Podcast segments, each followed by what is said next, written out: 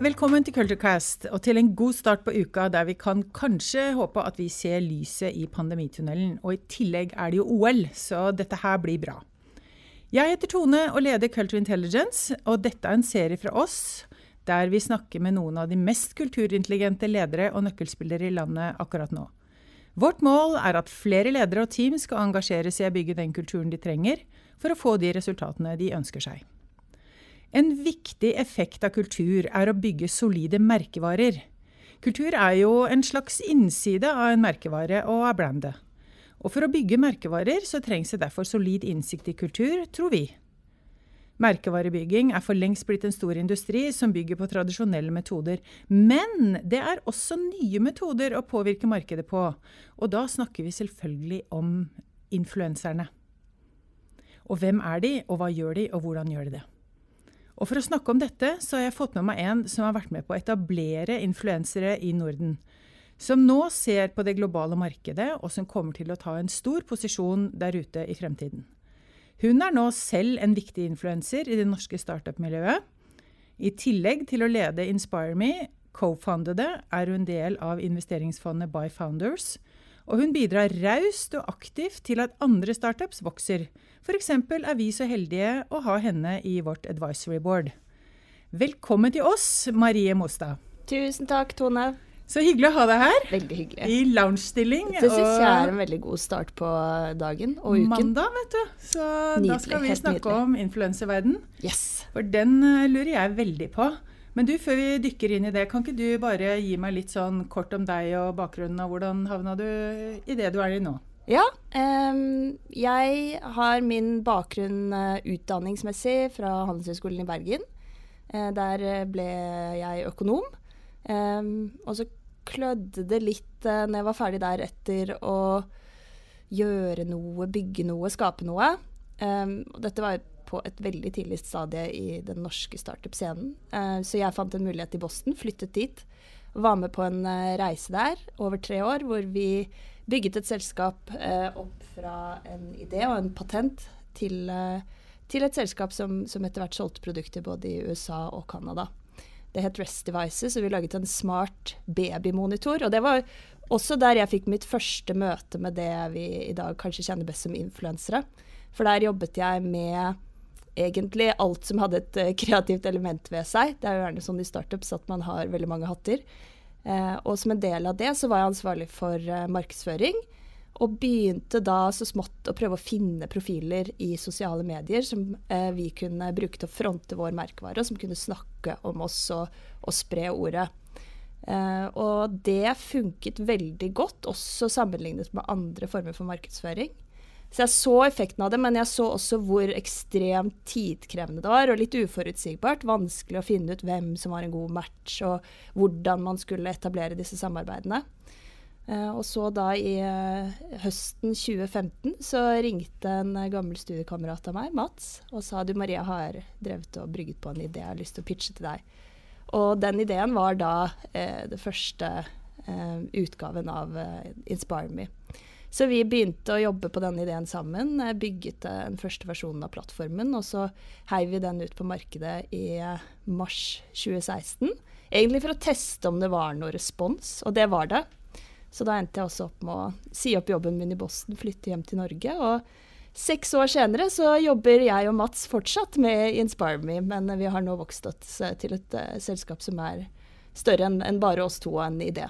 Ja, det har dere virkelig. Og det har vært så kult å følge dere. Eh, vi traff jo hverandre i 2018 i New York. Yes. Da var dere litt sånn armer og bein, og vi hadde så vidt begynt. Eh, men veldig morsomt å se nå hvor, hvordan dette har utviklet seg. Så, men du eh, Hva er egentlig influencer marketing? Kan ikke du bare Hva er en influenser, og hva er influencer marketing? Eh, lær meg litt om det. Ja, Det er vanskelig å definere hva en influenser er, fordi da må vi begynne å snakke om hva er det som gjør at noen har påvirkningskraft. Uh, men vi har prøvd å lage en definisjon, uh, så vi sier da at en influenser i sosiale medier er en som har følgere utover sin egen vennekrets. Og grunnen til at vi sier det, er at eh, jeg er jo på Instagram, men jeg følger stort sett av egen eh, familie og venner.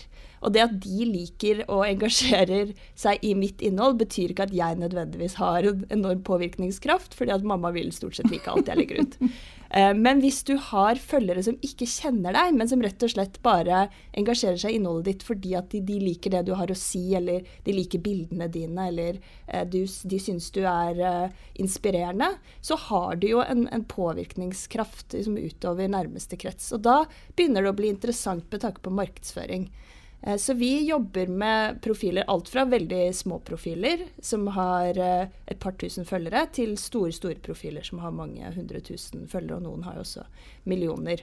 Um, og, og, de har jo da enten et liv eller um, en karriere, eller de brenner for noe, eller de er enormt flinke innholdsskapere, historiefortellere osv., som gjør at folk vil følge de og vil holde seg oppdatert på det de legger ut og det de snakker om.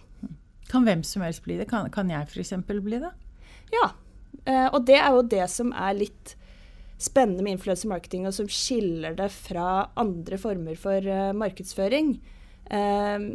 Før i tiden så, så, kan man si at influencer marketing handlet om å putte logoen på lua til en skiløper eller sponse en artist på turné. Eh, og så kan vi gå enda lenger tilbake, og, og gladiatorene faktisk, de var influensere. De reklamerte for uh, olivenolje, det er helt sant, osv. før disse kampene. sånn at du kan si at influencer marketing har vært med oss lenge, da, hvis vi strekker ut begrepet litt. Grann. Men så kom sosiale medier, og så kunne liksom, hvem som helst da, i gåseøynene utover disse kjendisene bli en, en, en influenser eh, og jobbe med kommersielle merkevarer. Eh, og det syns eh, vi er veldig spennende, for det betyr at eh, du trenger ikke å være en idrettsstjerne eller en artist for å gjøre sånne kommersielle samarbeid. Vi har profiler som driver med alt fra de er alt fra liksom kokker eller uh, ivrige turgåere, elsker å bruke naturen, de kan masse om dyr. Eh, de engasjerer seg i teknologi eller næringsliv. Så det er et enormt bredt spenn i, i, hvorfor disse menneskene har oppnådd en, en følgerskare som eh, liker å følge de. Og så har du og Mats altså sammen med er det 40 personer nå, så omtrent? Så hvis jeg Vi ansetter fryktelig mange mennesker ja, om dagen, så jeg må så, si at la oss stemme 40 og 50. Jeg har ikke helt uh, okay. telt opp i dag. Cirka der. Ja, i dag er det ca. 47. Um, nå har dere klart å lage en business ut av det her. Ja. Uh, si litt om hvordan, det, hvordan, hvordan har dette blitt en business? Hva er det dere tjener penger på i det markedet der? For det er jo ikke dere mm. som er influenserne, dere bare hjelper influenserne, eller hva er det dere gjør? Ja, vi eh, ønsker, liksom, for å si det veldig enkelt, å være en teknologileverandør til dette markedet. Um, og grunnen til det er at vi så når vi startet opp med, med InspireMe i 2015, så var dette et ganske lukket marked. Hvis du var en merkevare, så var det vanskelig egentlig å orientere seg eh, rundt hvem du kunne jobbe med. Du hadde gjerne kjennskap til kanskje de ti største bloggerne i Norge. Men eh, utover det var det vanskelig å vite hvem eh, som ville være en god match, og også hvem som var åpne for kommersielle samarbeid. Så vår idé var egentlig å putte masse brands og masse influensere på en plattform, og så bruke data til å matche de, og også bygge gode verktøy som gjør at de eh, kunne utføre gode samarbeid, eh, og også måle effekten av disse samarbeidene. Så vi ønsker å levere da denne teknologien vår til begge sider, både til influenserne og også talentbyråene som jobber på, på influensersiden. Eh, og til brands og byråer som, som, jobber på andre siden og er eh, kjøpere av influensemarketing. Kjempelurt, da. Eh, går det ja, bra det. sånn ja. Går det bra businessmessig? Tjener dere penger og vokser dere og får det til businessen også? Ja, det går uh, bra. Det har jo vært en seig reise, men det er det jo for alle startups. Ja. ikke sant? Du vil få til alt det første halve året, og så seks år senere så ser vi at vi har liksom, trengt tiden og veien. men det som er kult nå, er å se at for det første at det veldig mange kommer til oss, så vi slipper å liksom stå og hamre på dørene og rope eh, for å få lov til å komme inn og snakke om influence marketing. Eh, og også at vi jobber med de største byråene, de største merkevarene i Norge og Norden, og, etter hvert også en del i Europa. Eh, så vi kan si fra at influencer marketing var eh, litt sånn nice to have for seks år siden. Litt krydder på toppen av markedsføringsmiksen. Noe kanskje de merkevarene som var mest fremme i skoene, turte å teste. Så har det nå blitt en veldig naturlig del av, av marketingmiksen. Og, og, mange tenker at uh, nei, men vi er jo nødt til å ha ambassadører som snakker oss, om oss i sosiale medier. Og, og mange har også skjønt hvordan de kan koble det inn mot andre aktiviteter. F.eks. at du gjenbruker eh, bilder og videoer i nyhetsbrev og egne sosiale kanaler, eller, eller som annonser på Facebook. Kjempespennende, og gleder meg skikkelig til å se litt hvor det her, eh, hvor det her går. Um, men så skal vi jo nærme oss litt grann dette med kultur og kulturen deres. Og nå nå, nå, nærmer jeg meg litt temaet for i dag. For jeg tenker jo at dere, alle jeg snakker med, snakker veldig, veldig varmt om Inspire Me. Eh, og sier liksom det er en startup som har klart seg kjempefint, fullt av bra folk. Det er skikkelig bra å jobbe med de og alt det der. Og de har fått til masse, og de får eh, kule investorer og alt det. Så liksom alle pilene peker veldig riktig, tenker jeg, eh, når jeg ser det utenfra, om Inspire Me og deg og Mats. Og da klarer ikke jeg annet enn å tenke at det må jo faktisk ha noe med den kulturen dere har klart å bygge. Så hva, si litt om kulturen dere har akkurat nå, så skal vi ta litt uh, hvordan dere har klart å bygge den etterpå. Men hva kjennetegner kulturen til Inspire Me akkurat nå? Mm. Jeg kan bare først begynne med å si at uh, at det at vi, vi også hører når vi, vi, har folk inne på intervju osv., at nei, de har hørt at det er så bra kultur i Inspire Me. Det gjør oss både veldig sånn stolte, men, men, også av og til litt sånn redd og nervøs. For vi er så redd for å liksom, vi, vi, skjønner nesten ikke helt hvordan det har blitt til, og så er vi redd for å ødelegge at det skal forsvinne. ja. um, men, men, vi har hørt disse tingene egentlig siden starten, og det virker som liksom, det har satt seg en en god kultur som man må kunne kalle Inspire Me-kulturen. Og så har vi jo da etter hvert også hatt tid til å reflektere litt mer rundt eh, hvordan vi har endt opp, opp der. Um, så, så, det er nok uh, på en måte noen ting som, som, vi har gjort rett. Og så kan du si at noe av det har kanskje vært litt flaks, og noe av det er også basert på at vi har fått litt gode råd rundt veien. Og jeg er veldig glad for at vi møtte dere blant annet i 2018 på et uh, tidspunkt hvor Eh, vi fortsatt jobbet med å implementere eh, verktøy og metoder for å, for å, bygge en god kultur. Mm. Um, men uh, ja, Inspire Me-kulturen i dag den er veldig preget av at vi er et veldig internasjonalt team. Uh, jeg har ikke telt opp det heller i dag, men jeg vil tro at vi kanskje er en rundt 14-15 ulike nasjonaliteter. Uh, og vi har vært veldig mange ulike nasjonaliteter helt siden vi gjorde den første runden med ansettelser. Um, og hva innebærer det? Det innebærer i hvert fall at man blir veldig bevisst på um, hvordan At folk er, er, forskjellige, og det er bra. Um, og, men også at man på en måte må gjøre en jobb rundt det at vi må lære hverandre å kjenne. Vi må lære hvordan vi kommuniserer. Uh, det er uh, forskjell på hvordan uh, man gjør business i, i Tyskland, Frankrike, USA, Sør-Afrika og Norge. Eh, så man kan ikke anta at alt eh, oppleves og oppfattes likt. Så du må ha et veldig veldig bevisst forhold til det, og spesielt kanskje som, som leder. da. Um, og så har vi uh, et ganske ungt team. Vi har en snittalder på rundt uh, 28 år, tipper jeg. Uh, har også hatt et ungt team siden start. Um, og det også har en del ting ved seg. Um, blant annet så har vi et team som alltid har vært veldig sultne på å lære å utvikle seg. Uh, selvutvikling har liksom vært en sånn veldig viktig ting for, for teamet vårt siden dagen. Og det innebærer jo at man må legge til rette for at folk skal få eh, påfyll av, eh, av, læring og nye utfordringer hos oss. Hvis ikke så vil de ikke trives, og så vil de etter hvert slutte. Mm. Um, og så er det tredje jeg kanskje vil trekke fram, er at vi har uh, Jeg syns det er veldig vanskelig å finne et norsk ord for passion. Har du et uh, forslag? Vi har oversatt det til uh, engasjement, eller å være engasjert. Ja. det er det nærmeste vi kommer. Jeg har ikke lyst til å bruke lidenskap. Det blir Nei, litt sånn gærent i business. Ja. Ja. Nei, jeg, jeg, velger å bruke passion, men vi har mm. et team som, som har mye passion. Mm. de Eh, for, for, vårt team så er ikke jobb bare en jobb. Eh, de trenger å, å, brenne for det de driver med.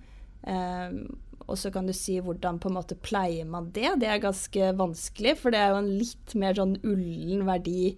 Men jeg tenker at en viktig ting der er at folk føler eierskap til det de driver med. Så man må være veldig bevisst på på en måte uh, at man ikke trer liksom veldig mye nedover hodet på teamet, men at de, de har mye selvbestemmelsesrett. De har fått lov til å vi peker ut uh, målet, så kan de stake stakke ut veien dit osv. Og, så og, og føler en, en eierskap til, til, det området de er ansvarlig for. Mm. Og det har du snakket om, Nå har du snakket om fire verdier, i hvert fall. Du har snakket om passion, du har snakket om self-development, altså egenutvikling. Du snakket om litt sånn empowerment, tenker jeg. Liksom folk liker å kunne bestemme selv. Og så dette med læring. Mm. Så i hvert fall det. Um, og så har dere nå laget en kulturkode som dere jobber systematisk med. Det er skikkelig spennende, for dere er en av de aller første bedriftene vi jobbet med. Og du kan si det var flaks for dere at dere traff oss, men du verden så flaks det var for oss at vi traff dere, fordi vi fikk lov å forske litt på dere i forhold til hvordan kunne vi gjøre en god prosess med et startup-team som ikke hadde noe egentlig på plass på kultursiden, og som begynte med spørsmålet hva er kultur, og, og, og hvorfor er det viktig? Og så begynte vi å jobbe, og så, dere, så, tok dere pinnen, og så har dere gjort en hel del ting. Kan ikke du ta med oss eh, inn i hva dere har gjort som har vært stegene deres for å virkelig nå naile det her med, med kultur? Ja, Nei, det, det, var morsomt, det, og det var så gøy at vi møtte dere i New York. Og det var gøy med disse første samtalene. Og så har jeg etter hvert eh, brukt en del tid på å snakke og også skrive om hvorfor kultur er viktig. Mm. Fordi at det, det, var liksom en sånn eh, kalddusj for meg. eh, det å anerkjenne at Og dette er så vanlig blant gründere. ikke sant? Du sitter med én million og to ting du skal gjøre til enhver tid. Eh, og hvorfor i alle dager skal liksom kultur få plass på den korte, korte listen med ting du faktisk har tid og mulighet til å prioritere. Det føles veldig diffust. Det, føles mindre viktig enn salg og fundraising eh, og markedsføring, f.eks. Um, ehm, så, men som jeg sa til deg uh, for, for, mange år siden, uh, jeg skjønner ikke hvordan noen tør å starte et selskap uten å ta en runde med dere. Fordi at ja, da bygger du jo egentlig et, e, et selskap som ikke har noen retning kulturmessig. Eh, du har ikke data, du har ikke noe du kan ta tak i. Eh, og så vet man samtidig at team er en av de eh, viktigste ingrediensene for å lykkes. ikke sant? Og så er det en sånn bitte, bitte liten prosent av alle startups som, som lykkes. Så man jo, eh, bør jo åpenbart ville gjøre alt i sin makt for å gjøre de sjansene så gode som mulig, da. Så det var et lite sidespor. Men det vi gjorde, da, var at eh, vi hadde jo en, en runde med Culture Intelligence. Målte den kulturen vi hadde på det tidspunktet. Og så sammenlignet vi det med den kulturen vi ønsket å bygge. Og så staket vi ut en retning fra A til B. Og Um, en ting som jeg gjorde, som, som ble et ganske sånn spennende kart for oss, var uh, Nå må folk bare prøve å se dette for seg i hodet sitt, men uh, det man får fra dere, er jo uh, et sett med verdier. og så får man en oversikt over hvilke verdier er det som er viktig for teamet vårt. Hva er det de prioriterer. Så det fikk jeg, da. Uh, F.eks. læring og passion viste seg å være viktig for, for vårt team. Men så begynte jeg å lure. OK, læring det er veldig viktig for teamet vårt. Men er vi, syns de vi er gode på det i dag? Eh, fordi at hvis læring f.eks. er veldig viktig for teamet, men er, de syns vi er innmari dårlige på det, så lyser det jo en rød lampe med en gang. ikke mm. sant? Det må man jo ta tak i mm. asap. Så jeg fulgte opp da med en uh, helt enkel survey som jeg bare lagde i, i Google, hvor jeg basert på de verdiene jeg hadde fått ut fra Culture uh, Intelligence-studien, spurte rett og slett er vi gode på dette og dette og dette i dag. Rundt eh, 40-50 spørsmål. Og da fikk jeg da en sånn matrix hvor jeg på den uh, horisontale aksen hadde alle verdiene fra uviktig til viktig, og på den vertikale aksen alle verdiene basert på eh, in bad shape or good shape. Og så er jo da den kvadranten du liksom virkelig, virkelig vil være obs på, er jo den som da ligger mellom viktig og bad shape. ja, de vil du helst uh, ta tak i. Ja. ja. Og så var det også interessant å, å se på eh, de, som, de ytterpunktene, f.eks. refleksjon, havnet helt, helt, helt nederst i hjørnet på eh, ikke viktig og bad shape. Ja. Eh, så den begynte vi å snakke om litt i teamet. Hvorfor er ikke refleksjon viktig? Og så får vi vite av teamet vårt at nei, vi er jo en startup, vi må alltid bevege oss fremover, så jeg føler ikke at vi kan prioritere å se bakover på det vi har gjort. Og da tenkte vi oi, oi, oi. Eh, vi har ikke tid til å reflektere over det vi allerede har gjort. Hvordan skal vi sørge for at vi forbedrer oss i fremtiden eller unngår feil vi har gjort før? Eh, denne må vi ta tak i. Så eh, det er det jeg mener med at det virker for meg, etter at vi gjorde disse tingene, veldig skummelt å skulle bygge en kultur i et selskap uten noe innsikt og data. Og, og det stemmer jo godt med vår uh, empiri, men, men, det er ganske interessant å høre hvordan konkret dere har dykka ned i det og brukt datagrunnlaget som, som, kom fra oss, men virkelig videreutviklet det. Og, og det som jeg syns er så kult, er jo at nå har dere deres eget content. Dere har deres egen empiri på hva dere ser etter. Eh, hva, dere, hva, som er et rødt flagg, hva som er liksom heia-ropene, og, og, hvordan hele dette skal ledes på lik linje med den eh, kundekapitalen og den finansielle kapitalen. Så jeg tenker at det her må jo være et skikkelig bra eksempel eh, på hvordan en startup kan vokse med, med denne innsikten også om bord. Sånn og så har det jo gått veldig bra med dere. Eh, har du gjort noen rare feil underveis på det her? Ja, det har vi helt sikkert. Um, vi burde sikkert fått inn teamet her nå til, til å snakke om det. kan vi komme tilbake til. Kan ja. ta en runde med de òg. ja, nei, vi Det er uh, prøving og feiling og et skritt tilbake og to ja. fram uh, hos oss som uh, hos alle andre. Ja. Ja. Med rekruttering f.eks. Du skal ansette mange skal du ansette i år. 20-30 et eller annet. Mange mm. i hvert fall. Mm. Hvordan kommer kultur eh, altså Vi snakker jo om uh, culture driven recruiting, eller det som heter sørg for at det passer culture fit. Mm. Hvordan bruker du innsikten du nå har uh, i kultur til å finne de riktige? Um, nei, det er egentlig sånn grovt sett på to måter. Det ene er jo at det fins nesten ikke en person vi intervjuer som ikke spør om kulturen. Enten ved at de spør hvordan er det å jobbe i Inspire Me, um, eller de spør rett ut hvor, hvordan er kulturen. Um, så det er jo noe som er veldig viktig for, for de som søker jobb. Uh, og så er det jo viktig for oss også å se at den vi ansetter, um, vil passe inn i kulturen vår. Og det betyr ikke at de skal være like de ansatte vi allerede har, uh, men at uh, de har de samme verdiene sånn at ehm, ehm, vi ikke får noen skjæringer der. Og vi har for all del vi har gjort feireansettelser opp igjennom. Det tror jeg er uunngåelig, mm. egentlig. Mm. Og det mm. viktigste er jo å lære av det. Og, og, det har vel stort sett Det har ikke vært fordi folk ikke har vært uh, flinke.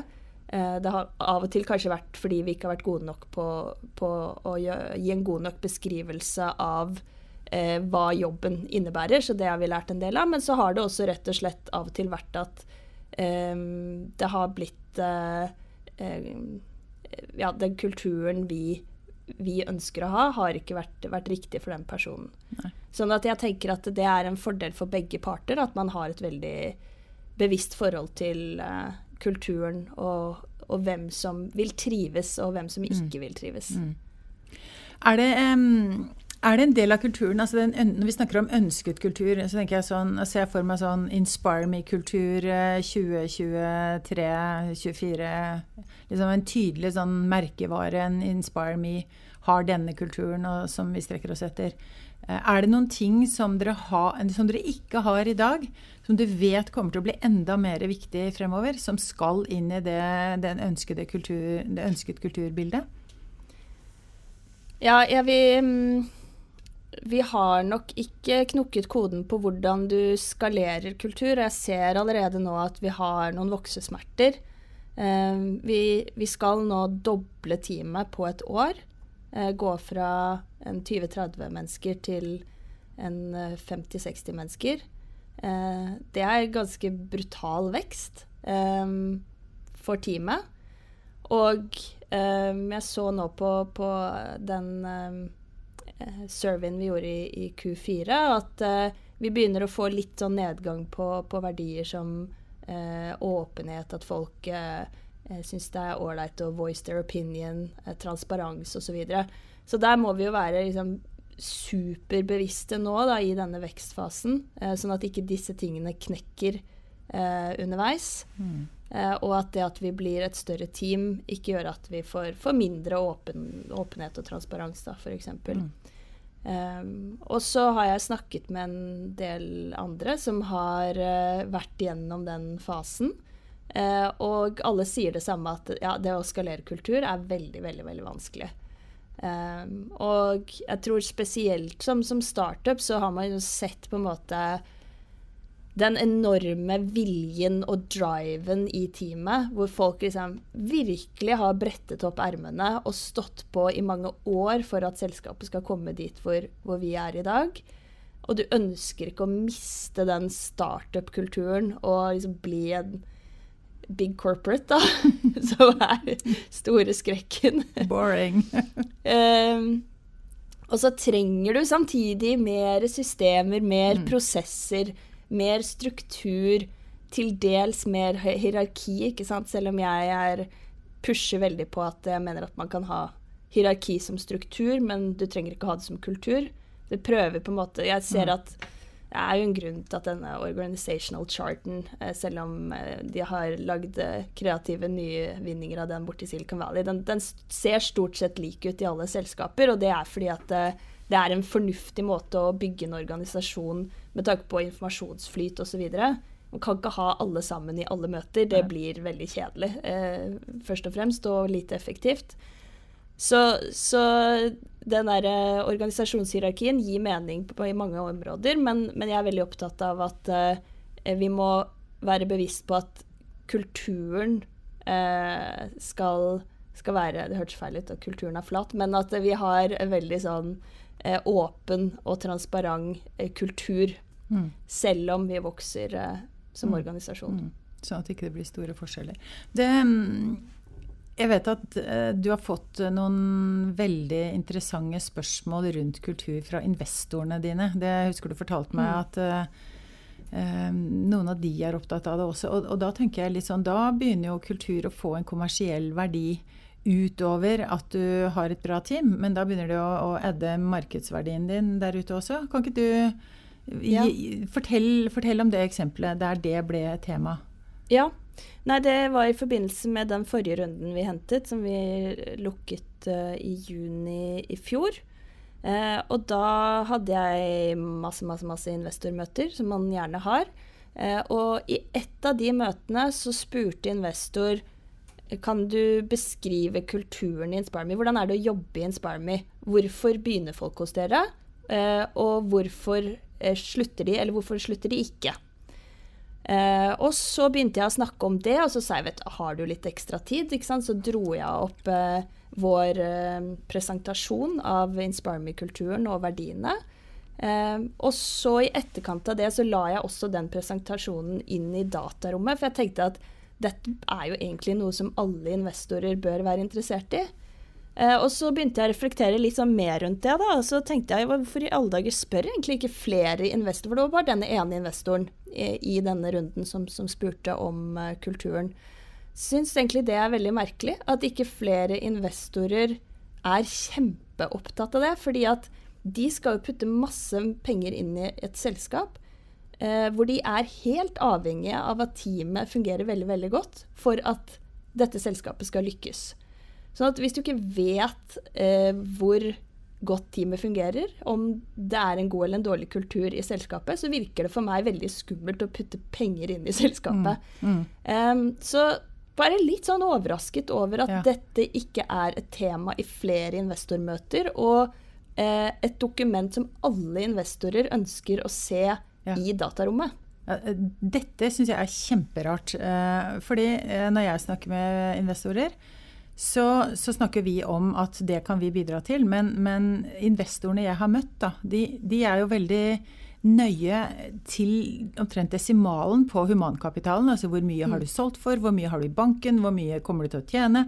Skikkelig sånn nøye på det. Og så når de spør om kulturen, så sier de ja, det kommer an på gründerteamet og hvem gründeren er. Og så sier jeg liksom sånn Ja, det er jo det vi er. Skal du ha data på det? Nei, det, det skjønner vi når vi møter dere. Og så tenker jeg um, Det er jeg litt usikker på, faktisk. Uh, så, så det, det, forteller meg at den presisjonen som er innenfor dette området, da, uh, og den dybden som dere har gått inn i når det gjelder ikke bare å identifisere, men også dokumentere mm. kulturen deres, uh, og, og, synliggjøre den kvaliteten som dere da kan gjøre, den er litt sånn ikke så interessant for investorene. så det men det kan jo bare være spørsmål om tid før det kommer. Men jeg, synes, jeg er enig med deg, det er kjemperart og et stort spørsmålstegn med hvordan investorene eh, vurderer ulike selskap, når dette da ikke er et annet tema enn at man tar det muntlig, liksom, og stoler på magefølelsen. Mm. Ganske jeg interessant. Jeg kom på en ting nå. det er ja. egentlig bare, Jeg kaster det bare ut uh, ja. litt som en oppfordring nå på stående fot. Kan ikke investorer egentlig komme til dere to nå og bestille ja en uh, rapport som en del av DD-en, så har de jo, data på kulturen. Jo, er, vi har det produktet. Uh, ja, det har det, ja. Culture DD heter det. Men det har, vært, det har ikke vært Perfekt. La meg si sånn, det har ikke vært kø fra investorer, men det kan jo vi bare sende ut som en oppfordring nå. Og si det, det ligger klart, så det er bare å komme. Mm. For det burde jo være en eh, veldig viktig bit av både verdifastsettelsen, men også dokumentasjonen, datarommet, og ikke minst hvor fort, hvis du skal kjøpe et selskap, hvor fort skal det komme opp i fart med det andre selskapet du vil ha det inn i. Det er også sånne ting som, som er interessant. Mm. Men eh, da tenker jeg jo hvis jeg hadde vært investor og sett på Inspire Me, så hadde jeg tenkt at her vet jeg hva, hva, jeg får. Her er det allerede dokumentert. Da kan jeg mye raskere få de inn i en eller annen setting, eller få de opp til skru opp noe, eh, dempe noe, og få tuna det inn på det som jeg tror er en videre vei for å vokse og skalere ut i verden. Så så her er det egentlig bare muligheter, tenker jeg. Så mm. interessant. Eh, dette, dette, blir neste podkasten vår, Marie. Skal vi, da skal vi ha med oss en investor. Ja. det gjør vi. Kultur-DD-en. Ja, ikke sant. Mm. Den finner vi en til. Men du, eh, nå er vi på innovasjon og disruption. Ehm, det er noe av det som jeg tenker står på alle agendaer uti der eh, nå, særlig for eh, vi kommer ut av pandemien, folk har vært inne på kontoret, Det er, noen er helt hvite i fjeset og, og liksom eh, litt sånn oksygenfattig på, på, på mange områder og lurer på hva har skjedd i mellomtiden her. Så, så hva skal til, tror du, i, sånn kulturmessig nå i, for veldig mange bedrifter? Hva, hva tenker du med din innsikt at bygge opp dette, eller få tak i dette, eller konsentrere dere om dette? Eller hvilket, hvilket, innspill vil du gi til ledere på, på, noen verdier som nå helt opplagt er viktige å fokusere på? Ja, det, det, tror jeg jo egentlig er litt selskapsavhengig. Men jeg tror eh, det viktigste er å anerkjenne at uh, ting har endret seg, og at uh, vi kommer ikke tilbake til dit vi var. Um, og det gjør det jo egentlig bare enda viktigere at man kjenner til nåtilstanden. Hvilken kultur er det vi, vi har i dag? Og så hadde det jo vært kjekt for ledere også å vite hvilken kultur de hadde, kultur de hadde før pandemien. Mm. Men uh, det er i hvert fall ikke for sent å, å starte nå, da. Um, og, og, en, og, gjøre en uh, måling og, og, snakke om OK, uh, hvor, skal, hvor, skal, vi igjen nå, da? Um, og den kursen antageligvis har også endret seg litt siden uh, før pandemien. Mm. Um, og, og, det handler litt mer uh, om litt mer enn en, uh, at man innfører fleksibelt bruk av hjemmekontor. Ja, Eller antall dager man må liksom ja. komme på jobb, eller hvordan man skal bruke Teams. Ja, ja det det. Det, det gjør det. Um, jeg tror ikke vi har på en måte sett den fulle effekten av, av den biten ennå. Det er fortsatt på en måte, en, en, for å være helt ærlig, en ting som, som bekymrer meg litt. Uh, uh, tiden som kommer, på en måte, når folk uh, skal, skal, virkelig begynne å Vi har liksom vi har vært liksom gode soldater som har liksom stått i dette her, og så har vi på en måte ikke avreagert ennå, mm. tror jeg. Så, um, så vi, vi, har forsøkt uh, underveis i, i, pandemien å være, bruke mye tid på teamet. Ringe folk, følge opp folk. Men samtidig så vet vi at vi, vi skulle gjort det enda mer. fordi at vi har jo også hatt henne fulle med å, å prøve å holde skuta flytende. Eh, og også beholde den farten vi hadde tenkt at vi skulle ha i disse årene. Eh, gjennom pandemien. Og, og, balansere det med også passe på at vi bruker nok tid på, på teamet. Da. Og det har vært kjempevanskelig for mange. Uh, vi har som sagt unge folk. ikke sant? De, mange av de bor alene, de bor i små leiligheter. Det har mm. vært enormt mange timer og dager og uker eh, i mer eller mindre isolasjon. Mm. Og at det får noen etterdønninger, det mener jeg at det er helt, helt opplagt. Jeg er um, helt sikker på. Mm, et, ettermatten på denne kommer til å bli ganske interessant å, å se. Så. Mm. Men du, um, du er jo leder. Du er co-founder. Du er masse forskjellige ting. Uh, hvilke verdier skal du fokusere mer på i året som kommer, for deg personlig? Oi. Um, det, det, det, første som datt inn i, i hodet mitt, er liksom um, Jeg jobber nå veldig mye med, med, effektivitet, men det har jo med selskapet og teamet å gjøre. Altså, vi vokser som sagt veldig, så vi må, vi må passe på at uh, vi sørger for at uh, vi kan fungere like effektivt uh, som når vi var et, et mindre team. men meg personlig, ja. Jeg tror altså Nå har jo jeg og Mats vært, vært gründere i seks år. Vi har jobbet sammen i seks år, over seks år nå. I starten, ikke sant, så, så har man uh, masse, masse energi. Litt sånn naiv optimisme, for man regner med at man skal ta over verden de neste seks månedene. Eh, og så uh, skjønner man etter hvert at uh, dette er en maraton og ikke en sprint. Eh, jeg tror uh, vi har vært gode på å beholde liksom, energien og optimismen og Men det er, det, er, det er, tøft i tider. Spesielt når du liksom på toppen av alt du skal få til, får en pandemi tredd nedover hodet. Eh, jeg husker vi så på hverandre i mars 2020 og bare Var det en pandemi som skulle knekke selskapet? Ikke sant? Når man har slått statistikken, mm. hentet flere runder eh, og fått til så mye, så virket det liksom nesten urettferdig at, mm. uh, at en uh, faktor som man hadde så lite kontroll over, skulle liksom komme inn og, og potensielt knekke selskapet. Nå gjorde heldigvis ikke det.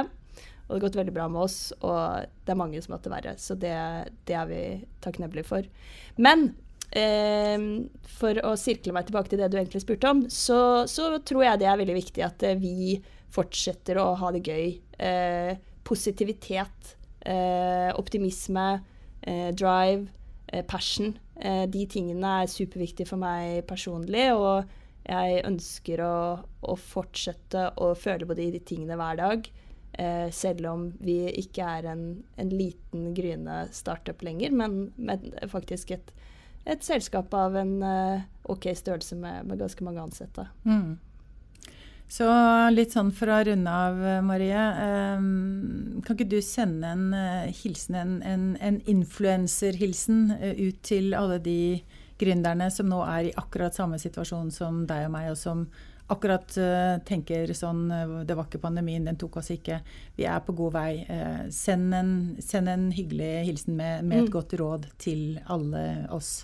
Ja, Nei, altså jeg tenker, Hvis man ser tilbake gjennom historien, så tenker jeg det første som slår meg når du sier det, Tone, er at eh, hver krise skaper nye handlingsmønstre, og med det mye nye muligheter. Um, sånn at vi kan på en måte bruke, bruke litt tid på å reflektere over hvordan pandemien har påvirket oss, og, og hva vi har lært. Eh, men la oss ikke bruke for mye tid på å eh, alt det som ikke gikk som det skulle. Man kanskje ikke har hatt den veksten man håpet osv. At man har blitt sinket litt av pandemien. Men heller se fremover og se på eh, hvilke nye muligheter er det som finnes nå, som, som ikke fantes eh, før pandemien. Og så er startups er eh, verdensmestere på å utnytte nye mulighetsrom, ikke sant. Og vi er superfleksible og agile og alt dette her. Eh, de, de, større selskapene ikke sant? de er litt mer seige i bevegelsene og bruker litt tid på å kaste seg rundt.